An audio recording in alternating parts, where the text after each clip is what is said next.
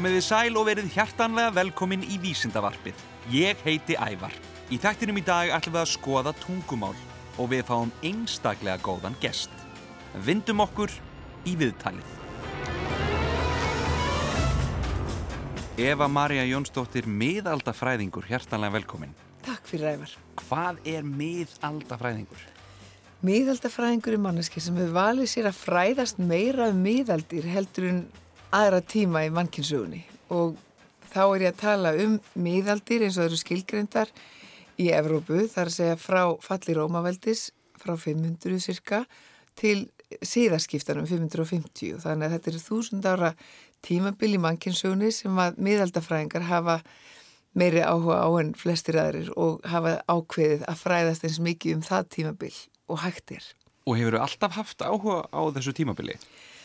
Ekki kannski endilega þessu tímabili en ég hef alltaf haft áhuga því sem er gamalt og úr sér gengið og, og kannski ekki, ekki úr sér gengið, er síkilt líka og það er margt sem að á uppröðansin á miðöldum sem að er virðist vera síkilt, það er markaðstorkið, er miðaldafyrirbæri sem Já. að er enþá við líði og var mjög stert á miðöldum og eins og kentir í háskólum í dag, það er að segja það er mistari sem er læri mistari og svo setja nefnudurnir og hlusta og, og, og læra af mistaranum er, þannig er ennþá kent í háskólum í dag. Þannig að það er margt sem er í okkar nútíma sem hefur verið eins allar götu frá miðaldum Og hvernig læri maður að verða miðaldafræðingur?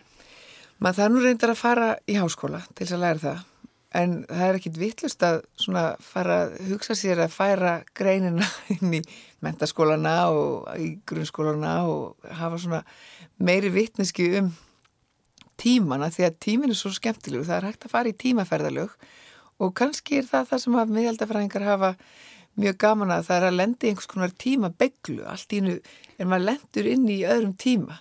Hvern dreymir ekki með það? En með því að læra þetta þá kannski færða að finna fleiri og fleiri leiðir til þess að gera þetta lesa texta sem að koma þér í eitthvað hugar ástand sem geti tengst því hvernig var að vera uppi á miðaldum eða öðrum tíma mm -hmm.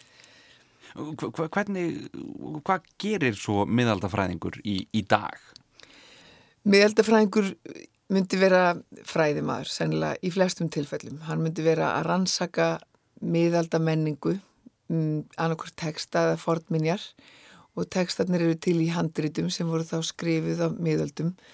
En ég, miðaldafræðingurinn, vegna fyrir reynslu minn er að fjölmiðlum, þá starfa ég sem kynningastjóri og vefstjóri hjá átnastofnun en átnástofnun er stofnunin sem geymir eldstu handrit okkar íslendinga sem er í mitt frá miðaldum. Og var eitthvað, þegar þú fórst að, fórst að læra þetta, var eitthvað sem kom þér á óvart, eitthvað sem þú hafður ekki hugmyndum í sambandi við, við þetta tímabill?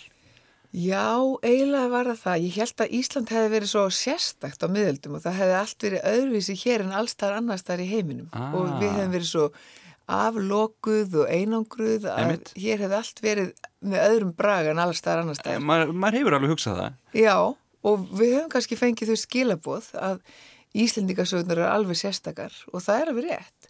En það eru líka tengdar því sem var verið að gera í bókmyndum annar staðar í heiminum á sama tíma og það koma tískur til Íslands líka á miðöldum. Þannig að við vorum meira að taka þátt í því sem var að gerast í heimsmenningunni heldur en ég hefði gert með grein fyrir áður en ég fór í námið. Mér fannst það skemmtilegt að sjá svona hvernig þræðir utan úr Evrópu berast til Íslands og eru hluti af okkar menningu sem okkur finnst fyrir okkar þjóðmenningu, okkar sérstaka menning sem er ekki líka öðru sem að þekktir en það er miklu líkara því sem var að gerast annar staðar en ég hefði haldir og kannski margir halda. Vá! Wow. Þetta, ég, bara ég lærði eitthvað í dag. Það, það er bara þannig. En, en, en hvað gerir stofnun Árna Magnússonar? Árna Magnússonar stofnunin, hún er í raun og veru samsett úr fimm stofnunum sem áður voru, þannig að það, er, það eru fimm svona stór svið á stofnuninni.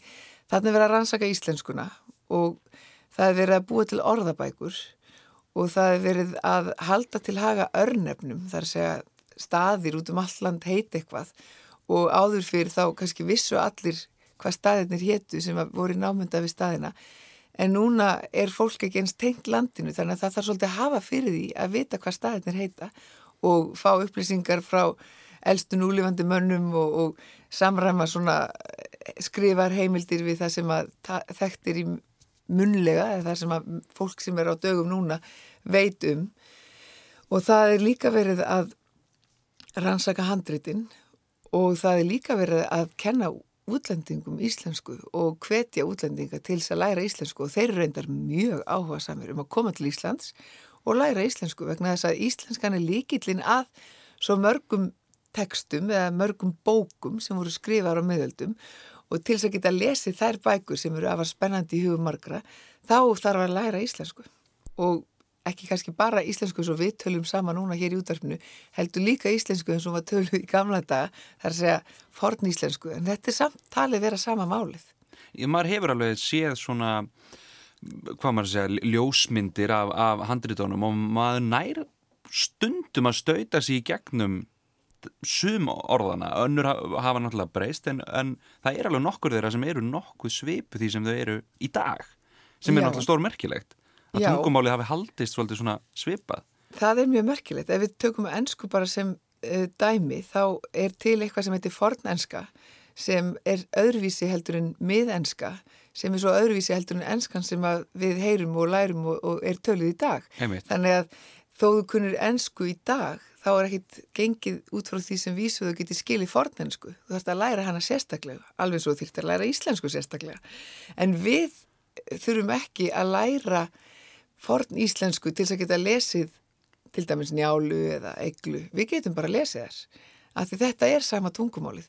Og til þess að lesa handritin þá þarf maður í raun og veru bara að læra nokkur svona grundvallar atriði um stýttingarnar sem áttur sér stað þegar að veri verið að skrifa handritina því að skinnið sem var, var skrifað á var svo gríðarlega dýrt, það var svo mikið mál að verða sér út um skinn. Þú þurftir að drepa kálf svo þurftur að taka á hann skinnið og svo þurftur að setja skinnið í einhvers svona sírubað og svo þurftur að strengja það á ramma og skafa þið allt hárið og svo þurftur að setja kalk á það og þá kannski fyrst eftir nokkra daga var að fara að líkast einhverju sem að, já, einhverju sem var hægt að skrifa á. Pappir var að fara að líkast pappir, þetta var orðið örþund og slett og hvít og þá kannski fara að skrifa það. Þannig að ef þú ætlar að fara að skrifa sögur á skinni í gamla daga þá kannski ekki bara skrifa öll orðin út fullum stöfum, þú þurftir að vera útfjörnarsamur og gera stýttingar eins og við gerum stýttingar í SMS-unum okkar í dag og það var bara kannski aðeins öðruvísi það var ekki komin eitt lol þá en það var komin kannski um, svona lítið svona merki fyrir og, og og ég var kannski skrifað alltaf E með svona litlum krók upp og svona líkist sé þú veist til þess að spara plásið Þetta er ótrúlegt. Þetta, þannig að, þannig að, að þegar einhver hafði skrifað bók þá var það ekkert smá mál. Þá var það alveg bara, það var jável æfistarf Já, það fór náttúrulega eftir hvernig bókin var það var, það var auðvitað tímafrækt að skrifa bók og þess vegna voru bækur gríðarlega verðmættar á meðan að ekki var komin pappir, hann kom ekki fyrir ná 16. öld en menn voru að skrifa bækur alveg margar aldir þar á öndan þannig að þetta var samt gert mjög mikið á Íslandi og það er svolítið áhugavert að ímynda sér að þú kemur inn í heim það sem er myrkur og það er kuldi, akkurat eins og er um þessa myndir hjá okkur Emitt. Og þú hefur ekki neina húsheitun þannig að það næðir kannski gegnum bæina þannig að fólk hefur ekki sama öruga skjólið og við höfum þannig að fólk er kannski kallt á höndunum. Og svo hefur það kannski smá bút af skinni og það hefur ekki penna og það hefur ekki blek, það getur ekki farið í búið að keft blek þannig að hvernig ætla menn að búið til bók? Jú, þeir sjóða sér blek úr einhverjum náttúra afverðum, einhverju lingi og berjum og einhverju drullu og ég, ég kann ekki uppskriftina en hún er samt til og síðan taka er fjæri sem þeir finna að fugglum að viðavangi og, og skera til þannig að hægt sé að dífa því og niður þetta heimalega blek og svo skrifa þeir með þessu á, á skinnið og, og það er eins gott að það sé gott og það var auðvitað hægt að gera mistök í gamla dag eins og núna en þá þurft að skafa upp eða, eða stryka penti yfir til þess að allt færi nú ekki fórgörðum. Nei, það er ekki bara strók út einu sinni eins og tölvunum Nei. núna. Nei tölvert, já, emitt, það er meiri vinna Og þú þurftir að vita hvað ætlar að skrifa þú skrifar ekki bara upp eitthvað upp úr þér yfirleitt voru menn að skrifa texta eða sögur sem þegar voru til og voru vinsalar, þannig að þú kannst alveg sleiði gegn með því að koma með bók kannski inn á bæ og lesa upp úr henni það var bara eins og koma með, þú veist nýja mynda á USB-kupi eða eitthvað í dag. Nákvæmlega. Um, segð okkur örlítið frá málið.is. Það fyrsta sem ég tek eftir á, áður eins og ég grípi, grípi strax fram með fyrir þér. Um, það er skrifað málið, bara eins og við segjum það, með ái og eði. Það virkar. Það virkar. Ég hef aldrei farið inn á vefsíðu áður þar sem ég get notað íslensku stafina. Það virkar að gera þetta svona á ram íslensku máli með íslenskum stöfum og það virkar líka að gera. Einmitt. En fyrst það var hægt að fá bæði þessi, báða þessa staði á netinu, þá auðvitað gerðum við það og það er bara, eru auðvitað pínlítið svona, hvað maður að segja, svekkjandi í eirum þegar fyrir þá sem að unna íslensku tungu að vera alltaf að taka út sér íslensku stafina. Einmitt. Þannig að við þurfum ekki að svekja okkur á því. Einmitt, það ég er mitt, með, með mitt íslenska ævar þór þá alltaf A-E-var T-H-O-R þannig að það þarf alltaf Þú kannski aðtöða það hvort það hitt sér athuga og sko. leysa þetta mál. En hva, hvað er inn á þessari vefsíðu? Málið.is Þetta er vefgátt sem að saminar mörg svona orðasöp þannig að þú getur í raun og verið notað þessa, þennan stað á netinu, máli.is eins og orðabók. Að segja að þú ert í vandraði með eitthvað orð, veist ekki hvað þýðir, þá getur þú farin á máli.is og slegið inn orðið og aðtöða hvað kemur út þar. Og til dæmis um, eru við núna búin að aðtöða orðið jól Einmitt, inn á málinu og þá farðu upp úr hvað, upp úr hvað mörgum sko söfnum. það eru, það eru fimm bankar hérna sem, a, sem að byrtast bara, bara, bara þessi þrý stafir og það eru strax bara, það eru miklar upplýsingar sem koma. Fyrst er hérna beigingalýsing íslensks nútímamáls og þá fáum við að sjá hérna, þetta er hvorukynns nafnorð svo kemur stafsynninga orðabókin og hún kennir mér að að skrifa þetta hérna í ýmsum hvað þetta er í ýmsu samhengi jólakvöld, litlujólin Já, jólafríður, jólafriður emitt og svo kemur íslensk nútíma máls orðabók hvað, hvað er sérstætt við nútíma máls orðabók?